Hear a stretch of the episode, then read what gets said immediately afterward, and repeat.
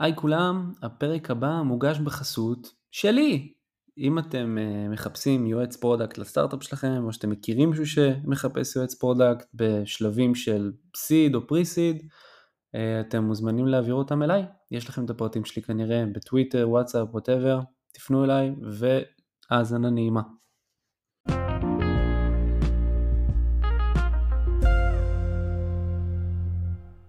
המון תודה על זה ש... שהצטרפת ככה, אני מאוד מקווה שככה נייצר כזה הרבה יותר שיח על ביוטק, אני יודע שאני מאוד מאוד מאוד אה, מתעניין, ואני יודע שגם דיברנו בעבר על זה. אמ, והייתי מאוד שמח, אה, ואני משער שגם אה, המאזינים שאו-טו-טו יצטרפו ישמחו לדעת, אמ, לאן, לאן העולם הולך, כי אתה, אתה רואה היום בתור משקיע, המון המון המון מיזמים בתחום, ואתה כנראה רואה גם תבניות, והייתי שמח לשמוע יותר על, ה, על מה אתה רואה. בוא נתחיל איתך, אם אתה כבר, אה, תספר קצת עליך. תספר עליי? באת מ... כן, באת משום מקום ואתה עכשיו מלך של טוויטר, צריך קצת אה, לדעת מה... אני, אה, באמת שאני כותב המון, ודברים טובים קורים. זה ה... זה, זה in a nutshell, כן? זה ועכשיו אתה משקיע גם כן, לא? אני גם, קצת. לא, לא, לא הייתי אומר לעצמי. לא הייתי angel קצת, דברים, עשינו גם ממש space אה, על זה לא מזמן, עשינו ממש space מגניב. היה פה שיח עם אה, לא מעט אנשים של angel ונתנו לי טיפים ממש ממש טובים, אבל כן, משחק בין content creator ל angel ועובד אה, באמצע גם כמובן מייעץ לסטארט-אפים על product, זה אני. הבנתי. מגניב. זה ראשון שלמדתי בתור משקיע, שאתה יודע, אתה לא צריך סרטיפיקט להיות משקיע, אתה לא צריך ללכת למשרד העבודה ולקבל כרטיס. כן, אני, אני גם, אני, אני באופן כללי מאמין שלא צריך פרמישן לשום דבר, פשוט לעשות. כן, בדיוק. מדהים כמה אנשים שאני אומר להם, יאללה, תקימו אתם קרן, שהם בכלל לא עולה על דעתם שזה אופציה. כן. יפה. אז, אז אתה רוצה לספר על, אני יודע מה יותר, אפילו ממש יותר בסיסות, לפני התבניות והדברים, אתה רוצה לספר קצת עליך ועל הג'רני שלך, לאנשים שלא מכירים במקרה? יאללה, אני אתחיל במפץ הגדול, נתחיל, אתה יודע, נולדתי בארץ. עשיתי תואר ראשון ודוקטורט באוניברסיטת תל אביב, ביולוגיה וביוכימיה, כזה הארדקור. עשיתי עוד אה, דוקטורט בביולוגיה חישובית, הדבר הזה שעכשיו אה, בין אה, קריסטלוגרפיה כאילו מה שהיה פעם קריסטלוגרפיה של X-ray, היום בין EM לבין AlphaFold כבר זה נהיה obsolete קצת. אה, קיבלתי מלגת פולברייט, נסעתי לסטנפורד, עשיתי את הפוסט-דוק בבית ספר לרפואה שם, אה, ארבע שנים. הייתה תקופה נהדרת. אנחנו עשינו פודקאסט לא מזמן עם יניב ארליך על אקדמיה מול תעשייה, זו הייתה שיחה ארוכה לגבי פוסט-דוק או לא פוסט-דוק, אבל פוסט-דוק שלי היה דווקא אירוע מאוד, מאוד נחמד. אה, אחרי ארבע שנים הקמתי חברה בשם Genome Compiler, שם נוראי. אה, זה אחד הדברים שלמדתי לאורך הדרך, לעשות שמות יותר טובים. אה, זו חברה שעושה, שעשתה תוכנה להנדסה גנטית, משהו בין IDE ל CAD לביולוגיה. קצת הקדים את זמנו, הייתי אומר. היינו 15 איש, גייסנו בערך 6 מיליון דולר במשך חמש וחצי שנים, אני גם איבדתי את כל השיער ועליתי איזה 20 קילו בתקופה הזאת. מי שאומר שלהקים חברה זה קל, לא הקים חברה. וב-2016 אה, מכרנו את החברה לחברה בשם טוויסט ביוסיינסס, שהיא חברה שמדפיסה DNA, אז אנשים שמעו על אילומנה שקורא DNA, אז טוויסט עושה ההפך, היא מדפיסה DNA, מדיגיטלי בחזרה ל-DNA אנלוגי. ושם הייתי Head of Corporate Development uh, עד uh, קצת לפני שהם הנפיקו. הם הנפיקו, נהיו חברה של מיליארד, ואחרי זה חברה של עשרה מיליארד בשיא הבועה. חבל שלא ראיתי את זה, הייתי יכול להרוויח יותר. וואה. זהו, ואז כשעזבתי אותם הקמתי קרן בשם TechBio, tech.bio, יש לנו את הדומיינים, ואני וגיטה רייניץ, שהייתה הפרינציפל שעבדה איתי, עשינו את זה במשך שנתיים, זה היה קרן של עשרה מיליון דולר שעשתה השקעות פריסיד, בחיבור הזה בין ביולוגיה לטכנולוגיה. אה, ואז NFX שהשקיעו בחברה שלי והשקיעו בקרן שלי ושהייתי בטוויסט אז עשינו חברה בשם עמוס ביוסיינסס שהיום היא חברה די גדולה בתחום של קריספר. אה, הזמינו אותי להצטרף אליהם, בהתחלה כ venture partner בקרן השנייה ועכשיו general partner בקרן השלישית. אז NFX מנהלת בערך מיליארד דולר, אנחנו משקיעים מקרן שלישית, קרן של 450 מיליון דולר, עושים השקעות pre-seed ו seed בין חצי מיליון לחמישה מיליון דולר צ'ק ראשון. ויש לנו עוד קרן של 150 מיליון דולר להשקעות המשך. ואני, כל אחד מהפרטנרים עושה משהו מאוד אחר. אני מתעסק בחיבור הזה בין ביולוגיה לטכנולוגיה, מה שאני קורא לו Tech Bio. מדהים. אה, בדיוק שמעתי את הפודקאסט אה, שגיגי גם סיפר בדיוק את הדברים שאמרת, וזה נראה שאתם באמת מנהלים שם, באמת שלקחתם המון אנשים סופר מוכשרים, ו- וכל אחד באמת יש לו את הספייס משלו to explore, נכון? זה, זה, זה ממש כן, נראה... אז, אז בקרן שלנו יש את גיגי, שהוא ככה מלך ישראל ו- וגיימינג ודברים כאלה, בן אדם הכי חכמים והכי מפוקסים שאני מכיר. ויש את מורגן בלר שעשתה אה, קריפטו בפייסבוק, ועכשיו היא אחראית הקריפטו בחלל, עשה כמה השקעות חלל מגניבות אצלנו בקרן. אה, פיט פלין, שהיה המנכ"ל של Trulia, שאחרי זה נמכר ל Zillow, הוא ככה proptech, אה, כל דבר שקשור ל real estate הוא המלך. וג'יימס קורייר, שהוא, אתה יודע, Silicon Valley, counterculture, כל דבר שקשור ל marketplace, growth hacking והכל. network effect, כל הנטוורק אפקט, כל המאמרים הכי מגניבים בעולם שיוצאים מ-NFX זה הוא בעצם. כן, והוא בחור ששווה לי לבוא איתו לברנינגמן, כך שמעתי, לא הייתי עדיין. גדול. יופי, אז, אז, אז אתה יכול לספר לנו קצת על העולם שלך, איך זה עובד, איזה חברות אתה רואה? אמ, קול, cool, וואו, אני רואה המון. תשמע, אני אגיד לך, אני לא משקיע בכל מה שאני רואה, זאת אומרת, אני אגיד לך מה מעניין אותנו יותר. אמ, אנחנו משקיעים בעיקר בחברות פלטפורמה, שזה אתה יודע, בעבר ביוטק היה כזה מולקולה אחת לתרופה אחת, והיית רואה בינארי לא, זה עובד או לא עובד לפי המידע אה, הקליני שאתה מקבל. אנחנו אוהבים להשקיע בפלטפורמות טכנולוגיות שיכולות לעשות הרבה מוצרים, זה יכול להיות therapeutic, diagnostic, ag, food, materials, renewable chemicals, לא כל כך משנה, יכול להיות שזה, אתה יודע, טכנולוגיה וביולוגיה. Um, יכול לתת המון דוגמאות, כאילו, לסוג חברות שאנחנו אוהבים. באופן כללי אנחנו לא עושים medical devices, באופן כללי, עוד פעם, אנחנו לא עושים כזה small molecule לאינדיקציה אחת. אמ, כן, אז מה אנחנו כן אוהבים? אולי כדאי להתחיל להגדיר קצת, אתה יודע, מה זה טק ביו, אנשים צחקו עליי. היה לנו מאמר שמביוטק לטק ביו, אז כמובן זה הגיע לטוויטר ואנשים עשו, כן, אנחנו טק uh, פין, ועוד מעט הרבה VC יצטרכו CV, אתה יודע, ככה צחקו על החלפת המילים. טק ביו מבחינתי זה קצת, אה, אתה יודע, זה להגדיל את ה... זה ביג טנט כזה, זה, זה, זה מאוד אינקלוסיב. אה, uh, כי ביוטק זה ביוטק, אני חושב שביולוגיה זה טכנולוגיה הכי מתקדמת על פני כדור הארץ בערך. אם אתה מבין ביולוגיה, אתה יודע שזה ננו, ננו טכנולוגיה שעובדת. אני בעבר הייתי מראה תמונה של desktop מלא בכל מיני דברים טכנולוגיים ועציץ. והייתי שואל אנשים מה הטכנולוגיה הכי מתקדמת, וכל אחד היה אומר לו זה הטלפון, זה המצלמה, זה הלפטופ, והייתי אומר לו זה העציץ. אתה יודע, יודע לקחת אה, CO2 אנרגיית השמש ולהכפיל את עצמו שהטלפון שלי לא יודע. אה, אז ביולוגיה זה מאוד מתוחכם, וזה היה פה הרבה שנים, ויש הרבה כבוד לתעשייה ענקית של ביוטק, שגם מתעסקת בדברים שחשובים לנו, שזה, אתה יודע, האוכל שאנחנו אוכלים, אה, תרופות, כימיקלים, הכל. ו tech bio מבחינתי זה שילוב של כמה דברים שמשתנים, כמה טכנולוגיות שמשתנות נורא מהר בבת אחת. אז אה, קודם כל זה ביולוגיה שנהיה דיגיטלית. אה, ביולוגיה בדרך כלל זה דבר מאוד אנלוגי, אז היא נהיה דיגיטלית עם אה, דרכים שאתה יכול לקרוא DNA, DNA sequencing, סנסורים ו-DNA synthesis, מאפשר לך לקרוא את כל המידע הביולוגי, והיום יש המון שכבות של omics, יש לך את השכבה של ה-DNA שזה genomics, יש שכבה של ה-RNA שזה טרנסקריפטומיקס, בשכבה של ה... חלבונים שזה proteomics ו metabolomics ו multi-omics, יש, יש הרבה אומיקסים לשנונים, שרובם מה שהם עושים, לוקחים מידע ביולוגי אנלוגי והופכים אותו לדיגיטלי.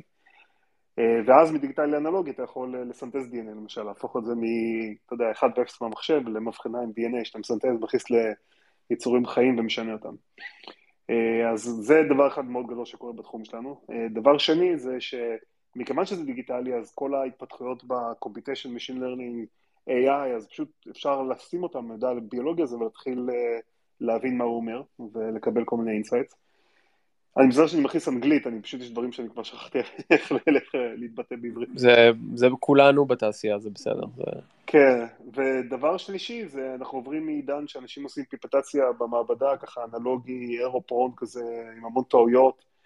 זה מצחיק, אה, היה מאמרים שניסיתי לשחזר, שהיה כתוב עליהם אה, תכניס אה, ככה וככה מלח, and then shake, shake vigorously.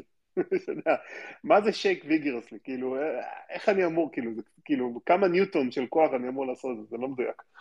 ככה זה הרבה מהביולוגיה. אה, אז אנחנו עוברים מהעולם הזה לעולם של אוטומציה בנפח גבוה, שמאפשר לנו לעשות יותר, וכל הדברים האלה פשוט מאפשרים לנו, אם אתה חושב על הסייקל הזה של לפתח כל מוצר, שזה design, build, test, learn, אז הכל נהיה יותר מהר, ואתה מקבל מוצרים, אתה יכול לפתח מוצרים לשוק יותר מהר. אז זה הדברים שאנחנו מחפשים. אז אני יכול לתת, אתה יודע, אני עכשיו, אני עשיתי פה קצת מונולוג, אני לא יודע, אם אתה רוצה לעצור אותי, בבקשה תעצור. לא, זה זרום, באמת. כאילו, מה... אתה יכול לתת דוגמאות לחברות שאתה רואה, אולי לפרופיל של היזמים שאתה רואה?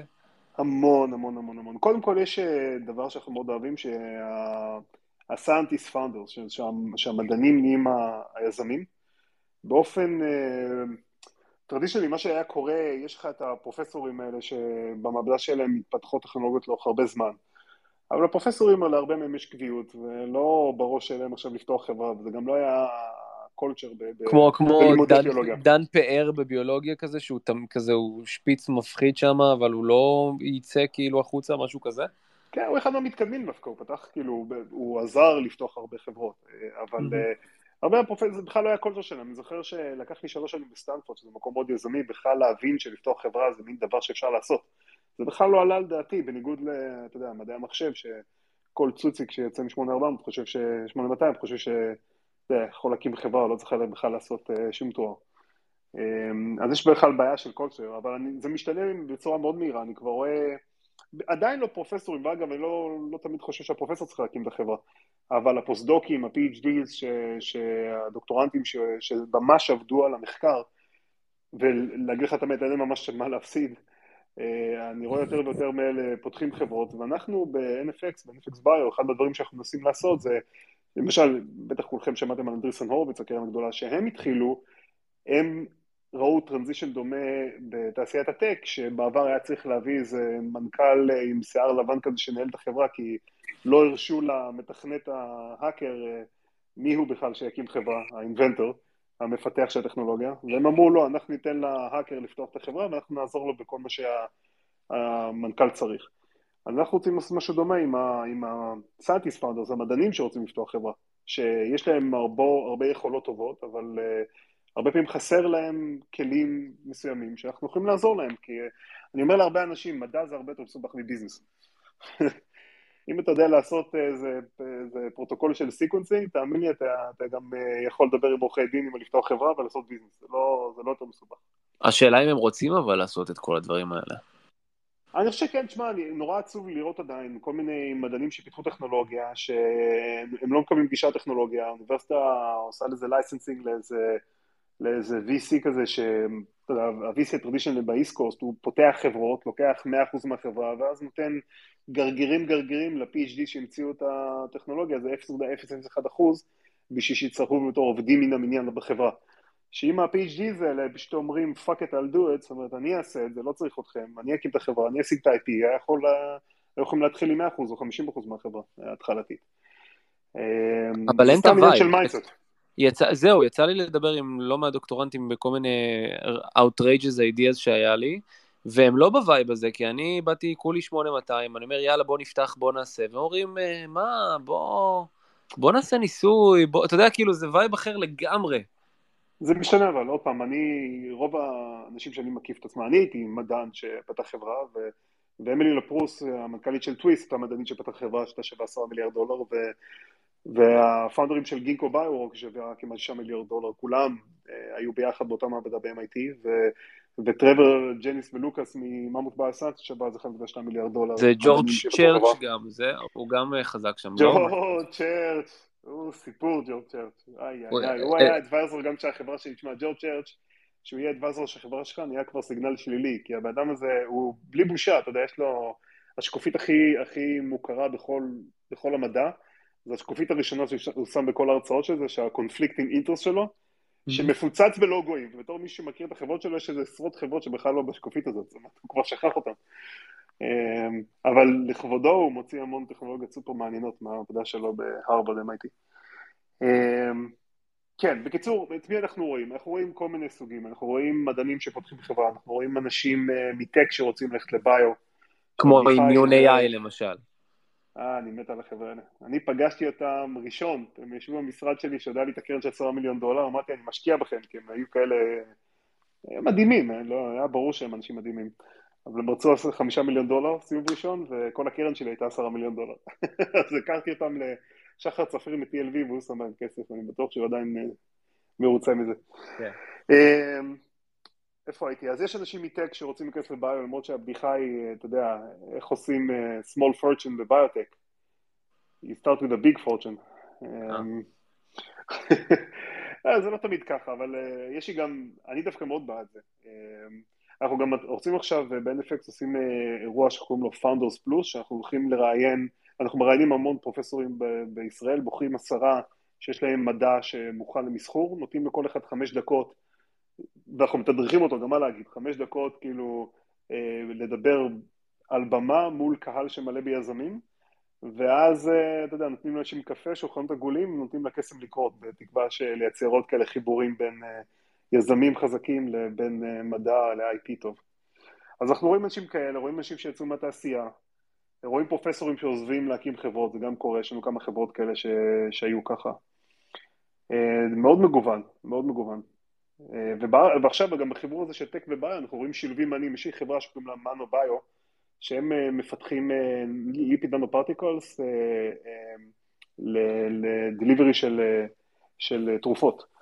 אז lipid nanoparticle זה החיסון לקורונה הוא עטוף ב lipid nanoparticle אבל הבעיה היא שכל ה particles האלה מגיעים לכבד ונתקעים שם ולקחת ליפיד פרטיקל שלא מגיע לכבד, שמתורגת לריאות או מתורגת לאיברים אחרים, זה כזה הולי גרל של התעשייה.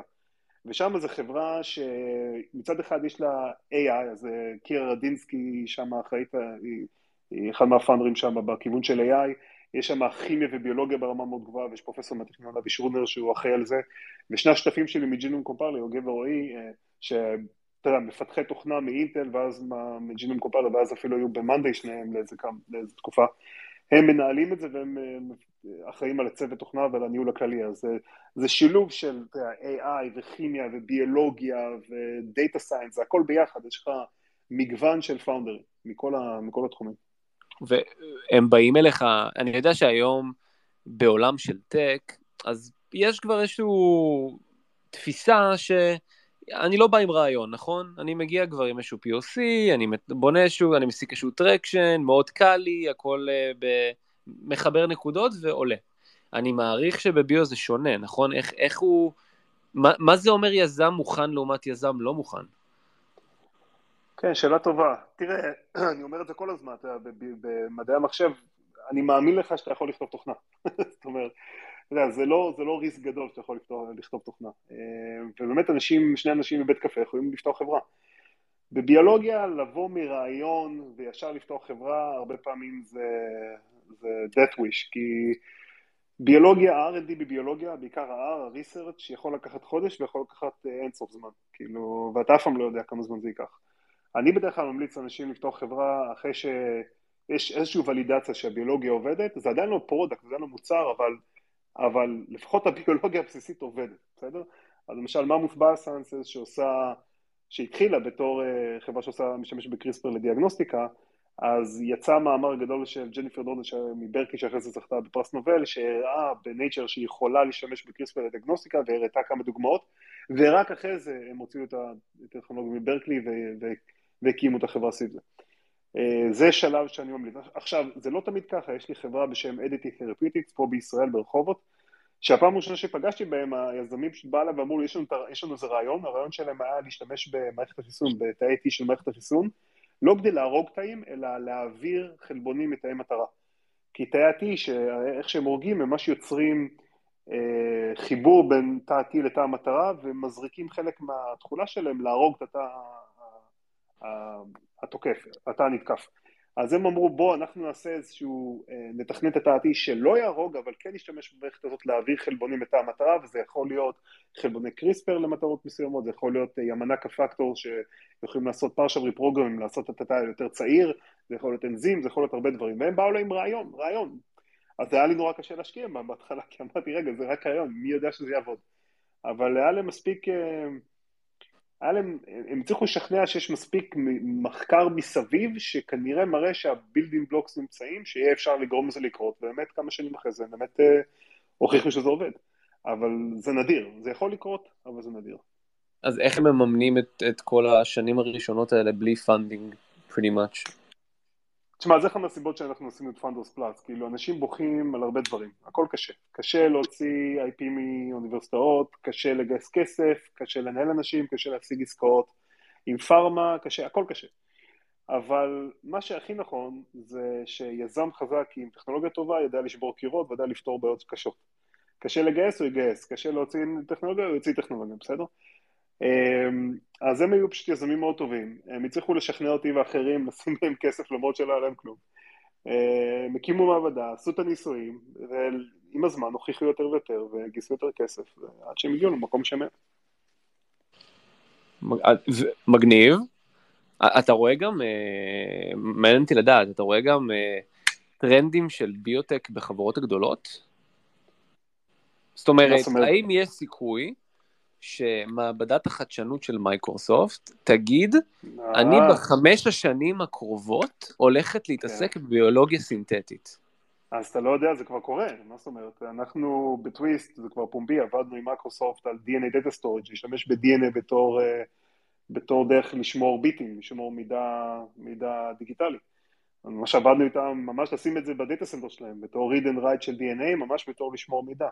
ואמזון משקיעה המון כסף באמזון ב cloud, כי המון מה cloud, גם חישובית וגם storage, זה מידע גנטי, זה, זה גם להכניס את כל הגנום האלה שהם די גדולים ויש אלף, כאילו מיליונים מהם, אה, וגם אה, לעשות המון ביואינפורמטיקה עליהם. אה, אז זה שוק מאוד גדול ב cloud. כן, אבל storage... ואמזון תעסק בזה.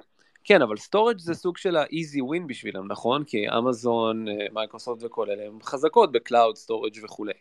אבל כן. אני מדבר איתך על משהו מעבר, על, אתה יודע, ביולוגיה סינתטית מהסוג המגניב יותר, של אני בא ומעצב אה, משהו חדש, ואני אה, מכין סוג של צמח חדש, אני מייצר, אה, אתה מבין? צמח לייצר... זורח למשל. אתה יודע כן, צ... אני לא רציתי לומר את זה, אבל צמח זורח למשל. בדיוק. בכנס האחרון של ביולוגיה סינתטית באוקלנד, סין ביו בטא, היה לנו חדר מלא בצמחים זורחים של אייט ביו, ואחי, זה היה כמו להיכנס לחדר של אבטאר, אתה לא ראית כזה דבר, נכנס לחדר ו- וזה פשוט קסם, קסם. הם הולכים לקבל רשות עוד מעט אה, לש... למכור את זה בארצות הברית, ואז כולם ישמעו על זה, זה הדבר אחד מהכי מקדימים שאתה יכול לראות בחיים שלך. זה, זה נשמע לי מאוד מקדים. זה גם השקעה מטורפת שלי, שהשותפים שלי עדיין צוחקים עליי, אבל אני אראה להם. אני אראה לא, להם. אה, אני זוכר עוד את כל ה... את הקמפיין שלכם בקיקסטארטר, אני הייתי אחד מה... לא, אוי, שמע, זה סיפור, סיפור ארוך, הרי מה קרה? אני הייתי, אה, ב Genome Compiler אה, עשינו תוכנה להנדסה גנטית, והיה כנס של גוגל, Solve for X, ודי מגניב, כי זה היה כאילו, כל הפאונדרים של גוגל וכל מיני מרק אנדריסן וכל מיני ה big shots של סיליקון וואלי, היו שם כנס קטן, 50 איש, באיזה מקום מפואר, והביאו כמה מאיתנו אה, לעשות להם נעים במוח, כאילו, על דברים מעניינים. אז אחד מהדברים שנתתי בהרצאה, אמרתי, וזה ביוטיוב, אפשר למצוא את זה, אמרתי אולי בעתיד יהיה אפשר להשתמש בתוכנה שם, לקחת צמח, להכניס לו את הרצף שאומר שזה יזרח ולעשות צמחים זורחים. ומכל ההרצאה ביוטיוב על זה קיבלתי את הפידבק הכי חיובי, ואז אמרתי וואלה אולי נעשה את זה, כאילו אולי נדגים כי זה, אתה יודע, יש גחליליות, כאילו, ויש אה, צמחים, וגנטיקה, למה לא, כאילו, למה שזה לא יעבוד. וגם היה ניסוי שעשו אותו לפני איזה 30-40 שנה כבר, שיש תמונה מאוד מפורסמת של צמח זורח, שלקחו באמת את האנזים של אה, לוציפרז מכחליות ושמו זה בצמחים וזה זרח. אז אמרתי, במקרה הכי גרוע נצליח לשחזר את זה, ובדיוק זה היה תקופה, זה היה ממש מזמן, זה היה תקופה שבדיוק אה, כל הקיקסטארטר היה נורא חם, אז נשים את זה בקיקסטארטר וכל העולם מתלהב מזה, באמת כל העולם מתלהב מזה, כתבו על זה בכל מקום.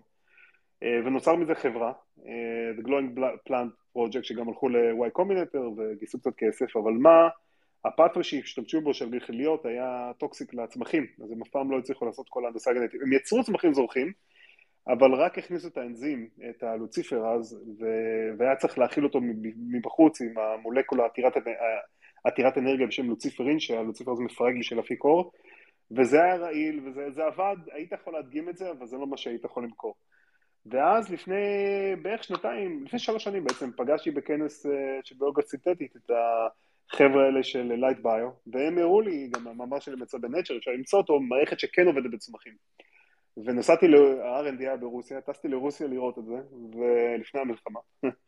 וזה היה די מדהים, ומאז הם שיפרו את ה-light output בכמה סדרי גודל, ואנחנו עדיין עובדים על זה. Ginkgo Bioworks, אגב, עובדים, אנחנו עובדים איתנו לשפר את, ה, לשפר את ה output של האור, ויש כבר פטוניה שזורחת. הבאתי קצת זרעים, אל תספר לאף אחד, יש לי כמה זרעים פה בארץ שאני מנסה לגדל אותם. הראיתי לילדים שלי, הבאתי כמה עציצים לארץ, זה מאוד התלהבו. ואז הם חזרו לשחק מיינקראפט, לא יודע, התלהבו לכמה דקות. אוקיי, אבל, אבל אני, השאלה שלי יותר מורכבת, אני, אני יודע שמדע זה נורא ארוך, כן? תהליך מאוד מאוד ארוך. כן. יש סיכוי שאנחנו נראה פלטפורמה בשנים הקרובות שייתנו לי מהבית שלי באמת לערוך אה, צמחים וזה, או שאנחנו עוד הרבה זמן? תראה, יש, היה, היה, כזו, היה כזה הייפ סביב אה, Cloud Labs, מעבדות בקלאוד, כמו Amazon Web Services כזה, שאתה יכול לעשות דברים אה, ב cloud. היה אה, חברה בשם טרנסקריפטיק, חברה בשם Emerald Cloud Lab, הם עדיין קיימים, Emerald Cloud Lab. שהרעיון היה זה שבמקום שתעשה את ה... ותשמע, ויש את החברות CRO, Contact Research Organization, זה הקטע הלא סקסי, שאתה, שהם עושים את המחקר בשבילך, אה, מחקרים מסוימים, בעיקר לפיתוח תרופות. אה, והרעיון היה שאתה, אתה יודע, תפתח Web Service, כי תפתח את, את, את הספארי שלך, תלך לאתר שלהם, תבקש ממנו לעשות כל מיני ניסויים, והם ישלחו לך דאטה פשוט. אבל זה לא עבד כל כך טוב, כי עוד פעם, אתה כן צריך expertise בשביל הדברים האלה, אתה צריך להבין איך דברים עובדים, ו... ושמה שיעבוד במעבדה שהיא לא שלך זה, זה לא קל, תמיד יש את ה... אפילו אם אתה מנסה לשחזר מאמר מ... לא יודע, מה-science או nature, תמיד יש את ה-10-15 אחוז הזה שאי אפשר לשחזר, זאת אומרת, זה, זה, זה ה touch וה feel שאתה צריך ללכת למעבדה ולראות איך דברים עובדים שם, שזה נורא קשה לשחזר. אז לעשות את זה ב cloud, הרעיון היה מאוד טוב, אבל execution לא היה משהו, לא היה לזה business מספיק גדול. אבל אנחנו כן הולכים לשם, כאילו בעצם, אנחנו כן הולכים לכיוון של וירטואליזציה של ביו, ביוטק באיזשהו שלב. הייתי נזהר מההייפ הזה דווקא, עוד פעם, אני... תראה, הכי קרוב לזה זה חברה כמו גינקו ביורוק, ש... בכלל התחילה בתור אה, חבורה של שישה אנשים אה, מ-MIT שהלכו ביחד ל... ל... יש כזה, אה, נו, כמו First Robotics לביולוגיה, תוכנית כזאת, ממש תחרות להנדסה גנטית, שקוראים לה iGEM, הם נפגשו, הם עשו קבוצה של iGEM, שעשו דווקא דבר די מעניין, הם, הם יצרו אי קולה שהוא גדל ומריח כמו בננה, ושהוא מפסיק לגדול ומריח כמו מנטה, סתם ככה, קטע מצחיק.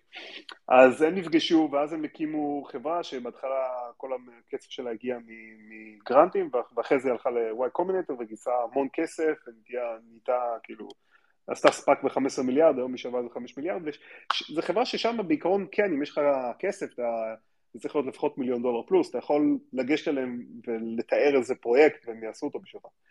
אבל אה, זה הכי וירטואליזציה שיש לנו נכון להיום.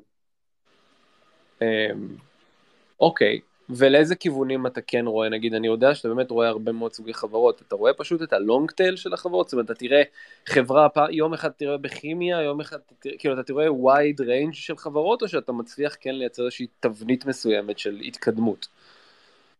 תשמע, אני רואה המון חברות, יש את הדברים שמעניינים אותנו, אבל uh, דברים שאנחנו רואים, תשמע, יש המון המון המון שימוש של AI אה, בכל מיני מקומות בביולוגיה, שזה קצת בעיה, כי יש קצת יותר מדי מזה וקשה מאוד אה, to differentiate yourself. אמ, אז AI לפיתוח תרופות, יש AI על מידע, על, או כל מיני אה, חיפוש תבניות על מידע גנומי, על מידע טרנסקריפטומי, אה, יש חברה בשם C2i Genomics שעובדת על, אה, על whole genome sequencing, להגיד לך כמה סרטן יש לך, ממש לעקוב אחרי כמה סרטן יש, במקום אה, לעשות לך CT או משהו כזה, ממש עוקבים אה, בזמן אמת, עושה כמו biomarker ספציפי לסרטן שלך. זה, זה לא כמו Grail בעצם?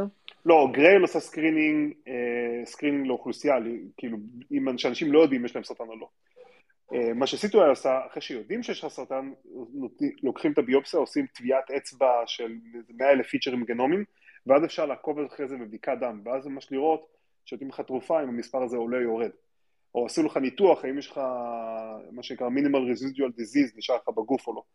אז זה משתמשים ב-pattern recognition ו-AI על whole genome sequencing למטרה ספציפית. יש חברה נוספת בשם Pangea Biomed, גם חברה ישראלית, שמשתמשת בטכנולוגיה דומה על מידע טרנסקריפטומי, להגיד לחולי סרטן איזה תרופה שהם לא חשבו עליה בכלל, יכול לעבוד לסרטן הספציפי שלהם. והם כבר התחילו לעשות טיפולי חמלה בארץ, וכבר הצילו כמה אנשים ש... שהם הציעו תרופה שאף אחד לא חשב שתעבוד, ובאמת אה, עבדה על הסרטן שלהם, מכיוון שהם ממש ייצרו את ה-social network של, ה... של הסרטן של הבן אדם הספציפי הזה. אמ, יש אנשים שמשתמשים ב-AI לפיתוח תרופות יותר מהירות אה, או מולקולות קטנות, לעשות סריקה וירטואלית, לא סריקה אמיתית של מולקולות אמיתיות מול חלבונים אמיתיים, אלא סריקה במחשב שאתה יכול לעשות הרבה יותר אה, סריקות. יש המון המון שימושים, עוד פעם, אבל במקרה הזה אנחנו תמיד נזהרים, כי AI היום זה, זה סתם כלי, אז אין שום דבר ייחודי ב-AI, הדבר הייחודי, הייחודי היחידי שיש זה אם יש לך גישה למידע ייחודי של אף, אחר, לאף אחד אחר. אה, יש כלים יותר טובים, גם sequencing יותר טוב, synthesis יותר טוב, אז ב sequencing עכשיו יש, שמעתם על Ultima שמנסה להגיע גם חברה חצי ישראלית שמנסה לעשות, אה, להפיל את, אה, את Illumina ולעשות אה, DNA sequencing הרבה יותר זול, שזה מאוד חשוב ופותח את הדלת להמון אפליקציות. synthesis יותר טוב, כל מיני detection של גילוי של חלבונים או מטאבוליטים יותר טוב. בכלל כל הכלים האלה, שאתה כשהכלים משתפרים, הכל משתפר, כל התעשייה משתפרת בעצם. אה, יש את כל העולם הזה של Programmable Therapeutics, שאתה יודע, החיסון של נגד קורונה הוא בעצם Programmable Vaccine, זה חתיכה של messenger RNA שריצפו את הגנום של, ה, של הווירוס, ואחרי יומיים סינתזו messenger RNA שמתאים לווירוס הספציפי הזה, ל spike protein, ייצרו אותו, והיה לך חיסון תוך יומיים. אז כל העולם הזה של ה-DNA וה-RNA Therapeutics הוא כולו programmable, או של קריספר שהוא programmable עם ה guide RNA שמכוון את הקריספר לנקודה ספציפית על הגנום. זה כל העולם, עולם מרתק, כל העולם של ה drug delivery, כי זה מקדים שיש לך קריספר, אם אתה לא יכול לקחת אותו לתא המטרה שלך, אתה לא תוכל לעשות editing. אז delivery אה, זה בעיה ענקית, אז אנשים מנסים לפתור את זה על ידי אה, וירוסים מהונדסים עם המון חישוביות, על ידי lipid nanoparticles מהונדסים עם המון חישוביות, אה, על ידי אקזוזומים ומיליון מיליון טכנולוגיות שונות. וואו, אני כאילו, אני רק מתחיל, אתה יודע, אני אתחיל לשפוך כל מה... לא, זה הייתה מטרת השיחה. זה... השיחה, לא יודע, כי אני מרגיש שאני... לא, לא, זה מעולה, אבל אני, מה שמעניין אותי זה נגיד, מישהו בא אליך יזם עכשיו, והוא עם איזה רעיון מגניב, כן? כן. ויש לו את כל ה credentials, הוא היה מדען, הוא היה בסטנפורד, עשה פוסט-דוק, נה נה נה נה. איך אתה עושה לו בעצם את ה-due diligence? זאת אומרת, יש לך איזשהו צ'קליסט כזה שכבר בנית לאורך השנים?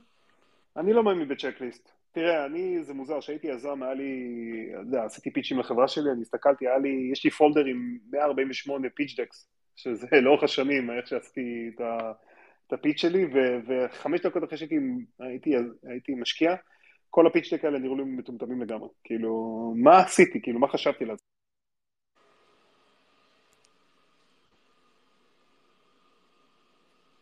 מישהו כן, כן. איבד את עומרי? לא, לא, לא, אני חזרתי, היה הפסקת חשמל, עברתי ל... עברתי מהפייבר לטלפון. שומע? הבנתי, סבבה. כן. כן, כן, שומעים אותך. כן, הזיכרון והחשמל זה לא הולך ביחד.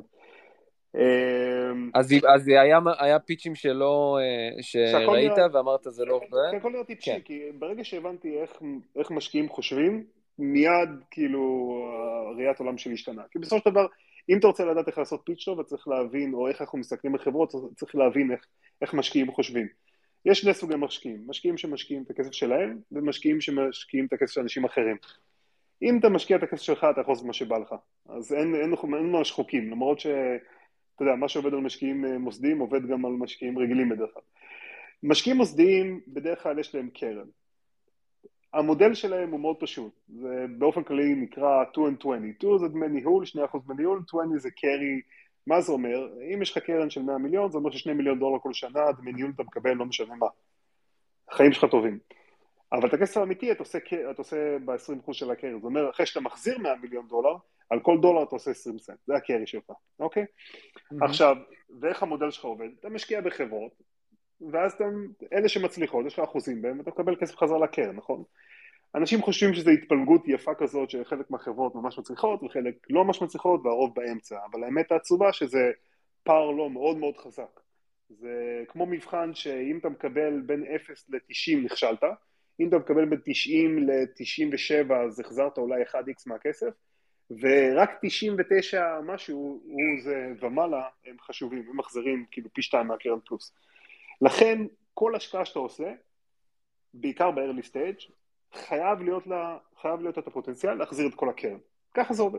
כי ככה המוטיבציה שלך כמשקיע, כי אתה רוצה להחזיר קרן למשקיעים שלך, שהם הרבה פעמים קרנות פנסיה, ובמקרה שלנו גם בתי חולים לילדים, ודאונמנט של אוניברסיטאות וכדומה. איך אתה יודע שמי שיושב מולך הולך להביא לך 100? יש לך סיגנלים? עזוב צ'קליסט, איזשהו סיגנל שאתה אומר, וואו, הוא יחזיר לי 100? אז איך שאני מסתכל על זה מאוד פשוט. אנחנו שואלים את עצמנו שלושה שאלות, שלוש שאלות, שזה אותה שאלה, שזה האם הוא יחזיר לנו את הקרן. זה אחד, זה האם זה מספיק גדול. ופה אתה צריך להיות סופר אופטימי, ולא להיות אופטימי זה טעות חמורה של משקיעים. כי הטעויות הכי גדולות שלך זה חברות שלא השקעת בהן כי לא היית מספיק אופטימי. החברות שמצליחות תמיד מצליחות הרבה יותר ממה שאתה חושב. אז אתה רץ איתו עד הסוף, זה יהיה הכי מהר, הכי גדול, הכי, הכי טוב שאתה, מה שהוא חושב. האם זה עדיין יכול להיות מספיק גדול? כי אם אנחנו קרן, NFX קרן של 450 מיליון דולר, ובוא נניח אנחנו מחזיקים בסוף הסיפור באקזיט 10%, 10 מחברה, אז אנחנו צריכים שיהיה אקזיט של 4.5 מיליארד דולר רק כדי להחזיר את הקרן, לא לעשות כסף עדיין, בסדר? אז כל הקרנות מגודל מסוים חייבות שיהיה אקזיטים מאוד גדולים. אז אם אתה אומר לי שאתה הולך לפתוח מסעדה בתל אביב, לא משנה כמה אני מאמין לך שהמסעדה תהיה מדהימה וגדולה וחבל על הזמן, זה לא יהיה מסעדה שווה 4.5 מיליארד דולר, אוקיי? אז זה צריך להיות מספיק גדול. לפעמים זה קל, אם אתה אומר לי לעשות תרופות לסרטן, שאין לו תרופות, אז וואלה, אני אולי לא מאמין לך שאתה יכול לעשות תרופה לסרטן, אבל אני בהחלט מאמין לך שאם תצליח זה יהיה משהו מאוד גדול. ויש מקומות שזה מאוד יותר, יותר קשה. זו השאלה הראשונה שאתה צריך להעביר למשקיעים, אחד. שתיים, אם יש לך Defensible Magic אני קורא לזה, אם יש לך איזו טכנולוגיה שהיא מרגישה כמו קסם, שהיא מאוד מוגנת, זאת אומרת שאף אחד לא יכול להתחרות לך. פיטר ת'יל אמר בצורה יפה, competition is for losers, כאילו אתה רוצה מונופול, אפשר להרוויח במונופול. אז אתה צריך משהו שמרגיש שיש לו יודע, IP וחזק ומיוחד ושמרגיש כמו קסם, באמת פותר בעיה אה, מאוד גדולה. והדבר השלישי זה הצוות, האם הצוות הזה הוא באמת מספיק טוב שיכול uh, uh, לעשות execution ולהצליח בדבר הזה. ואתה רוצה להשקיע ב... לא ב-lack of weakness, לא ב-checklist, אתה רוצה להשקיע בחוזקות, אתה רוצה להשקיע בחוזקות, וב-early stage תמיד יש דברים שבורים. אני תמיד אעדיף להשקיע בצוות מטורף אבל שלא סגור על ה-IP שלו. אגב, עם יוני אייז היה ככה, צוות מטורף, שלא הייתי, לא היה ברור מה יש להם בהתחלה, בתחום מאוד מעניין, אבל אמרתי, they'll figure it out. או ב-IP מטורף, אתה אומר, וואלה, הדבר הזה כזה משוגע, שאפילו אם הצוות הראשוני הוא לא כזה מדהים, הם יוכלו אה, אה, לחבר אחרי, אחריו אנשים אחרים. כי כל החברות הכי טובות, תמיד יש בהם משהו שבור, אבל תמיד יש להם משהו סופר חזק. ואתה רוצה to double down על הדבר החזק. אז זה מה שאתה מחפש באופן כללי, זה הדברים שאתה מחפש. אמ, הכי קשה... אז זה לא יוניק לביו. לא, זה, זה נכון. זה נכון. חוקים אה, מאוד דומים לכל השקעה אחרת. נכון. בביו רק מה שחשוב זה יותר ה-defensible magic בקטע של הביולוגיה, כי אם אין לך רקע ביולוגי ואתה לא מבין את המדע, אתה יכול לעשות שטויות. זאת אומרת, אתה, כל אחד יכול לספר סיפור מגניב, אבל אה, יכול להיות שהוא, אתה יודע, מדבר שטויות לחלוטין. בתוכנה אני יכול להאמין לך שאתה יכול לכתוב איזה תוכנה בעולם, כאילו אני לא יודע אם השוק צריך את זה וכדומה, אבל אני יכול להאמין לך שלפחות אתה יכול לייצר את זה. אה, בביולוגיה אתה צריך קצת יותר להבין את המדע. אני צריך יותר להוכיח יכולת בעצם. אתה צריך לעשות סיפור קוהרנטי, כאילו... מצד שני, עכשיו שאני יודע איך לתת פיץ' ומה מעניין משקיעים והכל, אני לא יודע אם סיפרתי לך, אבל אני עכשיו מנכ"ל של חברה. יש, אה, יש חברה שפתחתי עכשיו אה, עם, ממש לאחרונה, עם מדע ממכון ויצמן, של מעבדה של יעקב חנה. שאני לא יודע אם קראת לאחרונה, הוא התפרסם מזה שהוא יצטרך לייצר עוברים סינתטיים. בלי זירעון, בלי ביצית ובלי רחם. פשוט על ידי לקחת תאי גזם ולהפוך אותם לעוברים. מטורף. אז עכשיו, אתה יודע, שמשהו מרגיש מספיק גדול, אתה יכול לספר סיפור ואני עכשיו מגייס לזה כסף, ואומר לך, זה הדבר, החוויה הכי, המתקנת הכי טובה שהייתה לי בחיים. אני בא ככה לכל ה, כל הישיבות עם כל ה-VC הגדולים האלה, עם סופר ביטחון עצמי, יודע בדיוק מה להגיד להם, ובינתיים זה הדבר הכי קל בעולם. תענוג. זה, זה, זה נשמע מדהים, אבל איך אתה באמת משחק אה, גם כמשקיע ב-NFX וגם כמנכ"ל במקביל, זה, זה אפשרי? אה, ובורד של 17 חברות. אה, שאל את אשתי, זה לא כזה אפשרי. זה לא קל, אבל אתה יודע, אתה עושה חברות לא כי אתה רוצה לעשות חברות, אתה עושה חברות כי אתה צריך לעשות חברות. אתה יודע, זה... הבנתי. לא, אז היזמות, מה שאתה אומר שהג'וק היזמי הוא, הוא עוד בוער בך בטירוף. אה, בוא נגיד ככה, אם היית שואל אותי יום אחרי שמכר את החברה שלי, הייתי אומר לך, שכח מזה, אני בחיים לא אעשה את זה שוב. זה כל כך כואב, כל כך סבלתי. כל כך היה קשה, בעיקר בתשעה חודשים האחרונים, ש... שהייתי צריך כמה שנים ל... אמרתי, אני זוכר שאמרתי לאנשים, הדרך היחידה שאני אי פעם אפתח עוד חברה, אם זה משהו שהוא כל כך compelling, כל כך גדול, כל כך כאילו חשוב, שאני לא אוכל להגיד לא. אגב, אני אמרתי קודם שביולוגיה זה המדע הכי, זה הטכנולוגיה הכי מתקדמת בכדור הארץ, אני אוהב להגיד גם כן שיש משהו יותר, אה, טכנולוגיה יותר מתקדמת, שזה יזמות. שואלים אותי למה, אני אומר להם, תשמע, אם, אם קראת מדע בדיוני, יש כל הדוגמאות לחורי תולעת, כזה wormhole, שזה, אתה יכול להגיע מיקום אחד לשני דרך איזה wormhole כזה, כמו בריק אנד מורטי. כמו, בס... כמו בסליידרס. כן, סליידרס ריק אנד מורטי.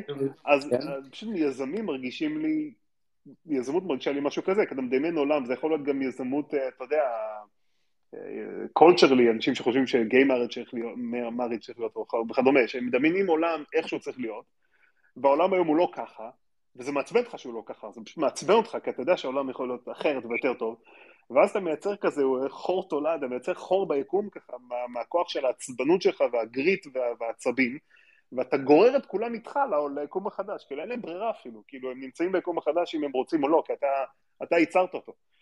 איזה כוח זה? אז הרבה פעמים אני אוהב להגיד לאנשים, כאילו, אתה יודע, יש בעיות גדולות בעולם, בואו תפתרו אותם עם הטכנולוגיות הכי מתקדמות בעולם, שזה ביולוגיה ויזמות, כאילו, זה, זה השפיל שלי. זה אחלה פיץ'. אה, אני רק אקטע רגע, יש אנשים, יש לכם שאלות מהקהל? מריאנה, אני יודע שכתבת משהו, אבל אני לא ממש יודע להסביר, אז אם, אם אתם רוצים אה, אה, לעלות ולבקש להיות ספיקר, אז תעשו את זה עכשיו, ואז, אה, כי אין לנו כאילו... יש לנו עוד איזה 18 דקות. אמ, עד אז, אה, מה, מה האתגרים שלך היום בעצם, כאילו, הכי הכי גדולים? וואו, אה, תשמע, כן. כשאתה משקיע בחברות, בהתחלה שאתה משקיע אתה מרגיש גאון, כאילו, החברות שלך מגניבות, ויש להם כסף והכל נראה טוב. ועם הזמן, כאילו, אתה יודע, אתה יודע באופן שכלתני שהמשקיעים, בעיקר ה-early stage, הכי טובים בעולם, לא מצליחים יותר משתה. החברות, לא, אין להם אה, סיכוי הצלחה יותר מ-30 אחוז, או 20 אחוז, אתה יודע, וזה המשקיעים הכי טובים בעולם. אז אתה יודע שרוב החברות שהשקעת בהן לא ממש הצליחו, וזה זה, זה משהו אחד שאתה יודע את זה בראש, משהו שאתה מתחיל להרגיש את זה. והרבה פעמים בתחום שלנו זה ממש עצוב, כי זה לא ממש באשמתם, זה היה שוק ירד וזה, ולוקח זמן, והדאטה בדיוק לא שמה. וזה נורא מבאס, כאילו, אבל אין מה לעשות. אמ, זה חלק מהסיפור. Uh, עוד דבר שאני עובד עליו הרבה זה אנחנו עושים פרויקט שלם ב-NFX אה, להשקעות המשך. שמצד אחד כשאני הייתי יזם הרגשתי שהמשקיעים שלי ממש לא עוזרים לי ואני צריך uh, לצוד כסף בעצמי ואם אני לא עושה את זה אני אמות.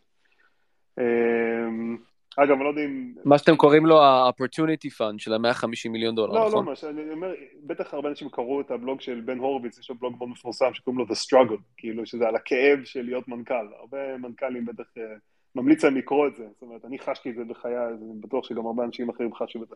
כל הסבל הזה, הרגשה הזאת של ה-clenching feeling of death ככה, שאתה הולך למות כל שנייה, זה uh, חלק מהכיף היזמי.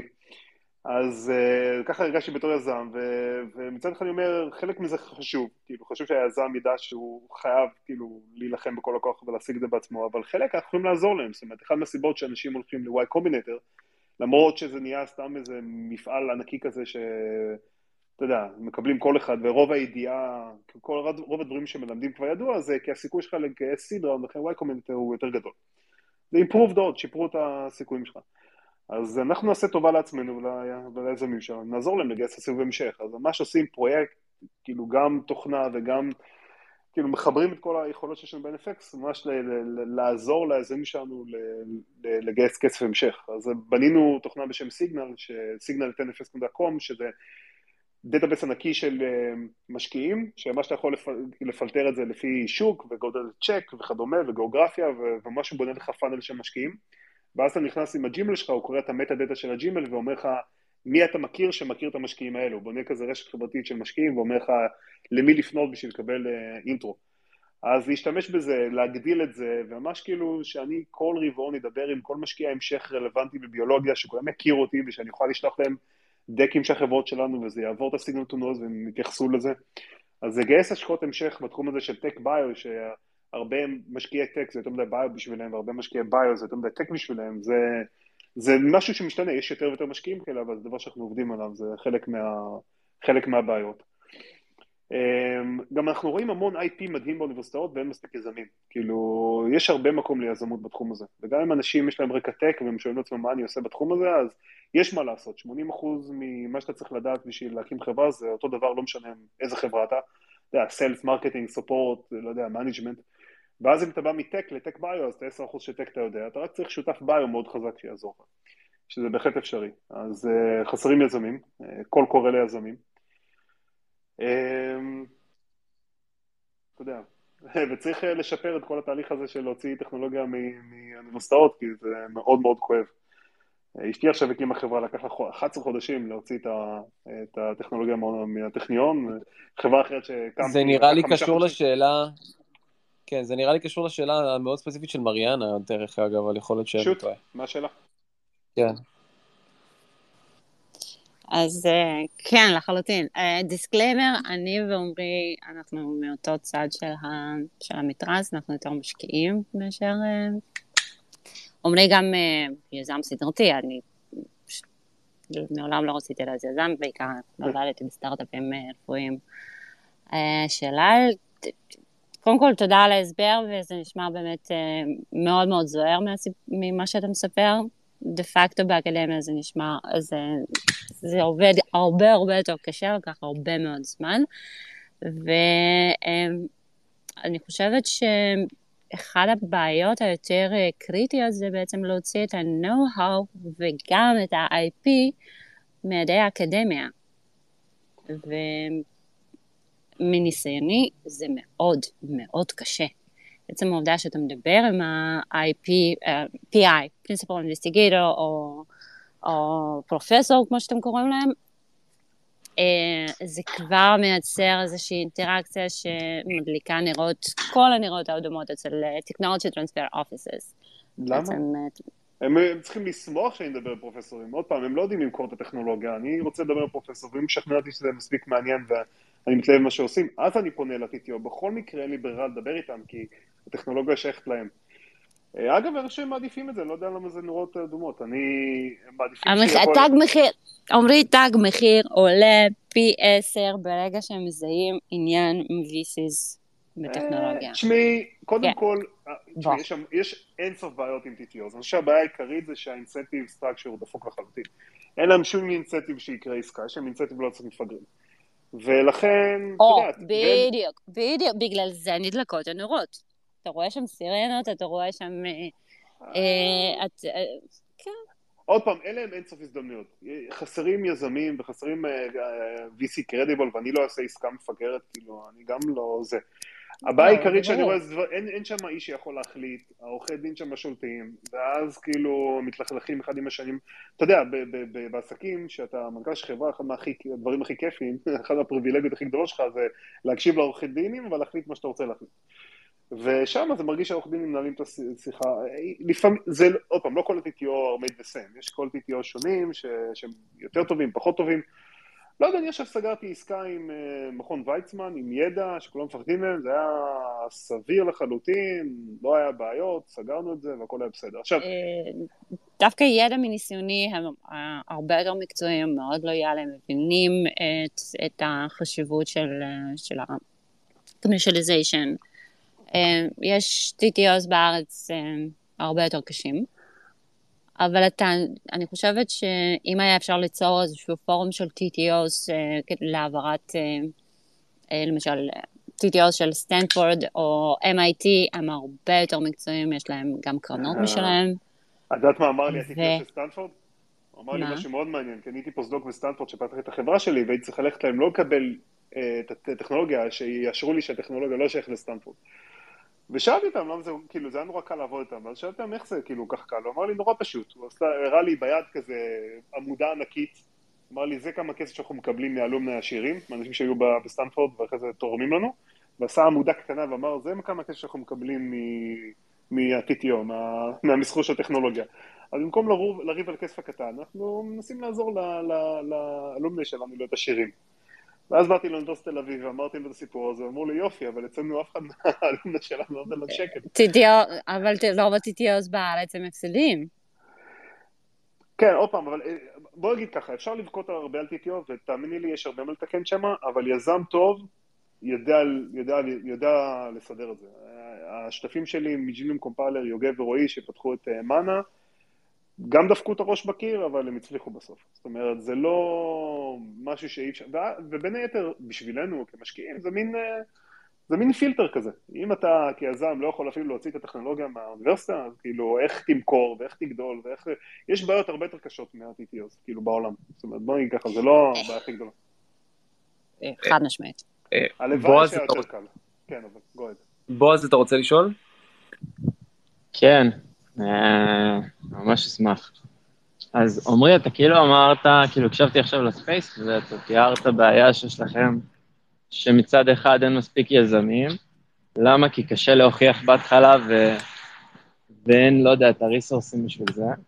ומצד שני, היזמים שאתה כן רוצה לקבל הם כאלה PhDים, שכבר יש להם מעבדה, נכון? PIים וכל זה, אתה רוצה למסחר את הטכנולוגיה שלהם. אז כאילו אני שואל, לא יודע, למה, כאילו זה קצת ביצה ותרנגולת, למה אתם לא עושים אה, כמו, כמו YC, אבל אה, לביו, כן. כאילו. זה לא כזה משהו כל כך מדויק. ריק. כן, אנחנו לא, אנחנו לא צריכים PhDs עם מעבדה, כאילו, להשקיע בהם. ההפך, הרבה פעמים זה ה... ה-PhD, מישהו שעושה PhD במעבדה, זאת אומרת, הוא מהסטודנטים שלומדים ל-PhD, או המסטרנטים, או, או הפוסט-דוקים. אה, הם דווקא אנשים שעבדו בידיים שלהם במחקר, ו- והם נמצאים במקום בזמן, הם צעירים מספיק, הם נמצאים במקום בזמן, שיכולים ממש לפתוח חברות, והם יותר יזמים מהפרופסורים, שהרבה פעמים יש להם קביעות, ויש להם את החיים שלהם, ו- ולא בהכרח הם רוצים לקפוץ ליזמות, ולא בהכרח הם. טובים. ומה, אז מה כן. מבדיל בין מישהו שהוא פאנדבל למישהו שהוא לא פאנדבל? אם אה, בא לך, נגיד, כאילו באמת אני, יש לי קצת כזה קשר לעולם, אשתי עושה עכשיו, מתחילה את ה-PhD שלה בתחום, כן. ויש לה חברה שרוצה אה, כאילו להפסיק את ה-PhD, כי יש לה רעיון והיא רוצה ללכת להקים חברה. יאללה, עכשיו, אז כן, קודם כל... אבל ב- צריכים נגיד ב- ב- בתוכנה זה מאוד, כאילו יש כזה playbook. מה אתה צריך להוכיח, מה הסוג של הבן אדם שנחשב qualified להקים חברה, כן. ונראה לי קצת שבביוטק עוד אין כל כך.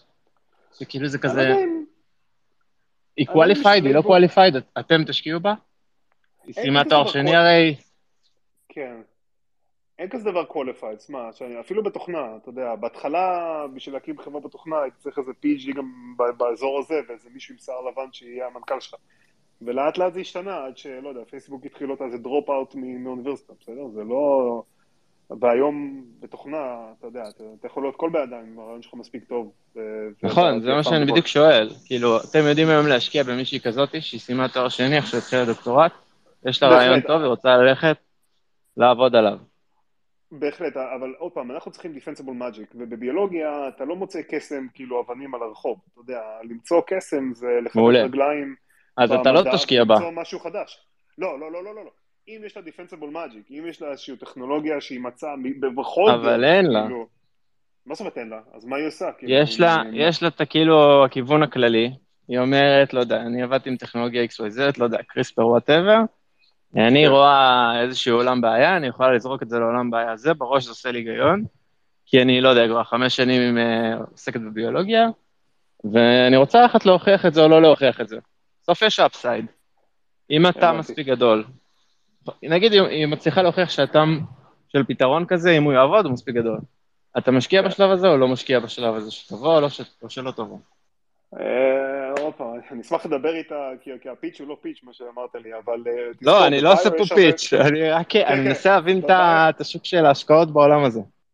כן, כן, בביו, אה, עוד פעם, הדבר שמגן עליך הרבה פעמים זה זה ה-IP שלך. וכשאתה אומר סתם קריספר, אז בואו ניכנס לפרטים. אתה יודע, יש המון אה, מריבות למי שייך קריספר בין הברוד לברקלי, ויש מערכות חדשות של קריספר. למשל, למאמוס יש אה, שורה של מערכות שהם גילו ושייכות להם. אז אם אתה אומר, וואלה, אני הולך לקחת את הקריספר הזה, לא יודע, את הננו קאס שממוס גילו ולעשות מזה תרופה, אז עם כל הכבוד לך אתה לא יכול עד שאתה משיג לייסנס uh, מממוס. או אתה יודע, זה, ש, זה שאתה חושב שאתה יכול לעשות משהו זה לא אומר, כאילו, אם יש לך או משהו שהוא חדש אוקיי, אבל את זה נכון אפשר להוכיח ברמת הפיץ', אבל יהיו דברים שאי אפשר להוכיח או להפריח ברמת על הנייר. אז זה תשמע, מה שאני שואל. מיני, יש, יש אקסלרטורים גם בביולוגיה, גם YC מקבל אנשים לביו, הרבה מהחברות שלהם חברות ביו כבר. אה, בארץ יש כל מיני חרמות שאני לא כל כך ממליץ ללכת אליהן, רובם אה, לוקחות יותר מדי אקוטי בשביל מעט מדי דברים, כי בינינו לא... זה מה שהולכת לעשות נראה לי. זה הכיוון שלכם. זה בעיה, כי עוד פעם, כי בארץ אין, אין הרבה אופציות, אז uh, חוץ מאיתנו... אבל גם אתה לא אופציה, זה מה שאמרת, הרגע. לא, אתה לא, לא באמת אופציה. לא נכון. עד שהיא לא יוצרת... לא, היא החברה הזאת שאמרתי לך שמהנדסת ה-IT ל delivery, הם באו אלינו עם רעיון. באו אלינו עם רעיון. עכשיו, האם זה, זה לא היה קל, אבל הם היו compelling מספיק. מי היזמים? כן, למה הם compelling? אמ, למה השקעתם? מיכל, הרבה סיבות. קודם כל, תשמע, זה היה שורה של מדענים מאוד טובים מה, מהתעשייה ומהאקדמיה, שהרעיון שלהם הראו לנו שהם היו בתחום גם כן, מיכל עבדה הרבה שנים בחברות אה, בתחום. והם הראו מספיק מידע מסביב, peer review, שלא שהם עשו, אבל מסביב, שהראה שהרעיון שלהם הוא פיזבילי. הוא היה מאוד, רעיון מאוד יוניק, ואמרתי וואלה, עם הכסף שהם מגייסים יכולים להוכיח אותו. אז אתה כרגע אה, משקיע בכאילו 20 שנה ניסיון? PI, נכון? היא בטח הייתה PI או באקדמיה או מחוץ לאקדמיה. חבר, זה הכל תירוצים, אין לי זה, תבוא לי בחורה עם סיפור, עם, עם, עם, עם משהו שנראה גדול, עם defensible magic, וזה שהיא עשתה רק מאסטר או דוקטורט או תואר ראשון, לי לא משנה. אם היא איכשהו הצליחה להשיג קסם, סבבה, אם היא הלכה בזמן שהיא עשתה דוקטורט שלה, ראתה שזו מעבדה אחרת, פרסמה משהו מדהים, והיא אמרה, את יודעת מה, אני אעשה את זה, אני מבינה את היכולת שלהם, אז אני אקח את זה ואני הולך להקים חברה, והשיגה את ה-IP. מברוק, יש לה דיפנסיבל מג'יק, אני אשקיע בה, בטח, אם היא הייתה כזאת יזמית, בכיף. אין שחור ולבן פה. מגניב. יש מישהו עוד שאלה חבר'ה לפני שנגיע לשלב סיום? last chance? טוב, אני חושב על החבר'ה של אימיוני, וואלה, תשמע, חבר'ה מבריקים, MIT, הרווארד, דוקטורנטים על דוקטורנטים, אבל לא היה להם איזשהו IP, היה להם איזשהו רעיון, והרעיון שלהם משתנה מהזמן שהם באו בהתחלה. ו- והם שינו מאוד את החברה, כאילו, הם היו פשוט כל כך מרשימים שהיה חייבים להשקיע בהם, לא יודע.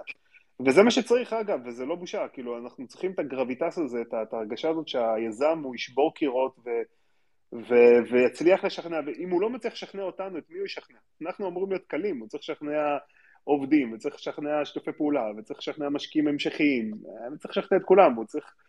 זה חלק ממה שמחפשים, הכוח הזה, הקסם הזה של, של יזמים.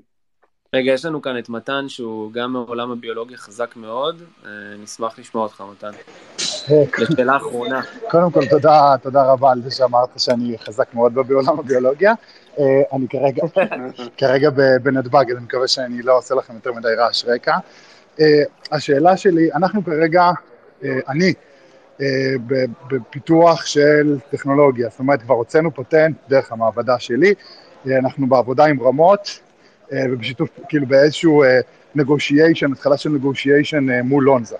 והשאלה שלי היא שאלה יותר של באיזה שלב, האם והאם אני ניגש לעורך דין שיבוא מטעמי כדי שיחשוב על העסקה מבחינה כלכלית, מה הדבר שהכי נכון לי לעשות ואיך אני עושה את זה בצורה חכמה לי, ושלא משרת דווקא את רמות, שזה ה-TTO של תל אביב, או את המעבדה שלי, או זאת אומרת, מה הדבר הנכון לי לעשות? האם יש מישהו שאני יכול לגשת עליו בשביל דבר כזה, או שזה מה שאני צריך לגמרי לחשוב בעצמי לבד? קודם כל, כן.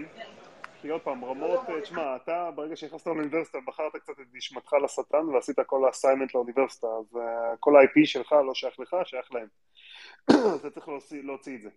ומה לעשות שהאינסטיב שלך הוא לא עליין לחלוטין, זאת אומרת, האינסטיב של, שלך חלק הוא, הוא מידע, זאת אומרת, מה שידע משיגה, אחוז מסוים מזה ילך אליך כממציא.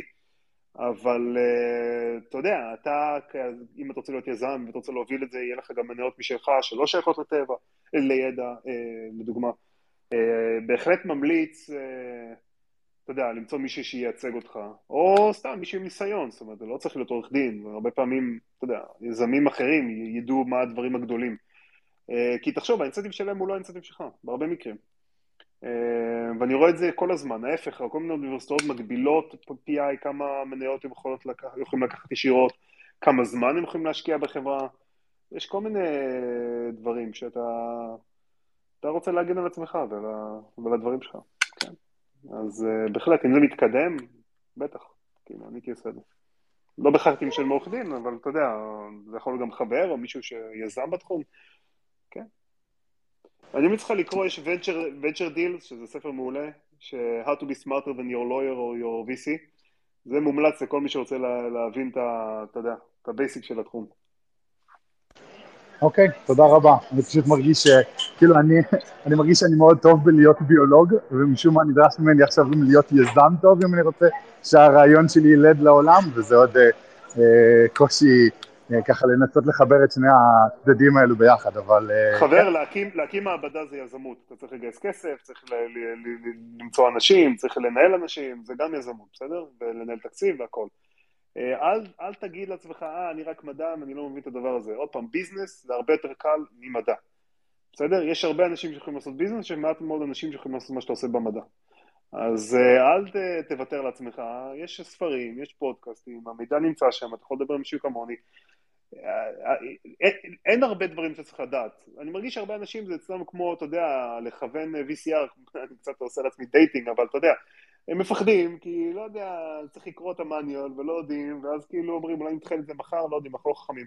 וואלה, זה לא מסובך. מישהו מראה לך, הנה, אתה עושה את זה ככה 1, 2, 3, 4, 5, אני מבטיח לך שזה נורא פשוט. אני עכשיו הקמתי חברה, זה היה לי קלי קלות.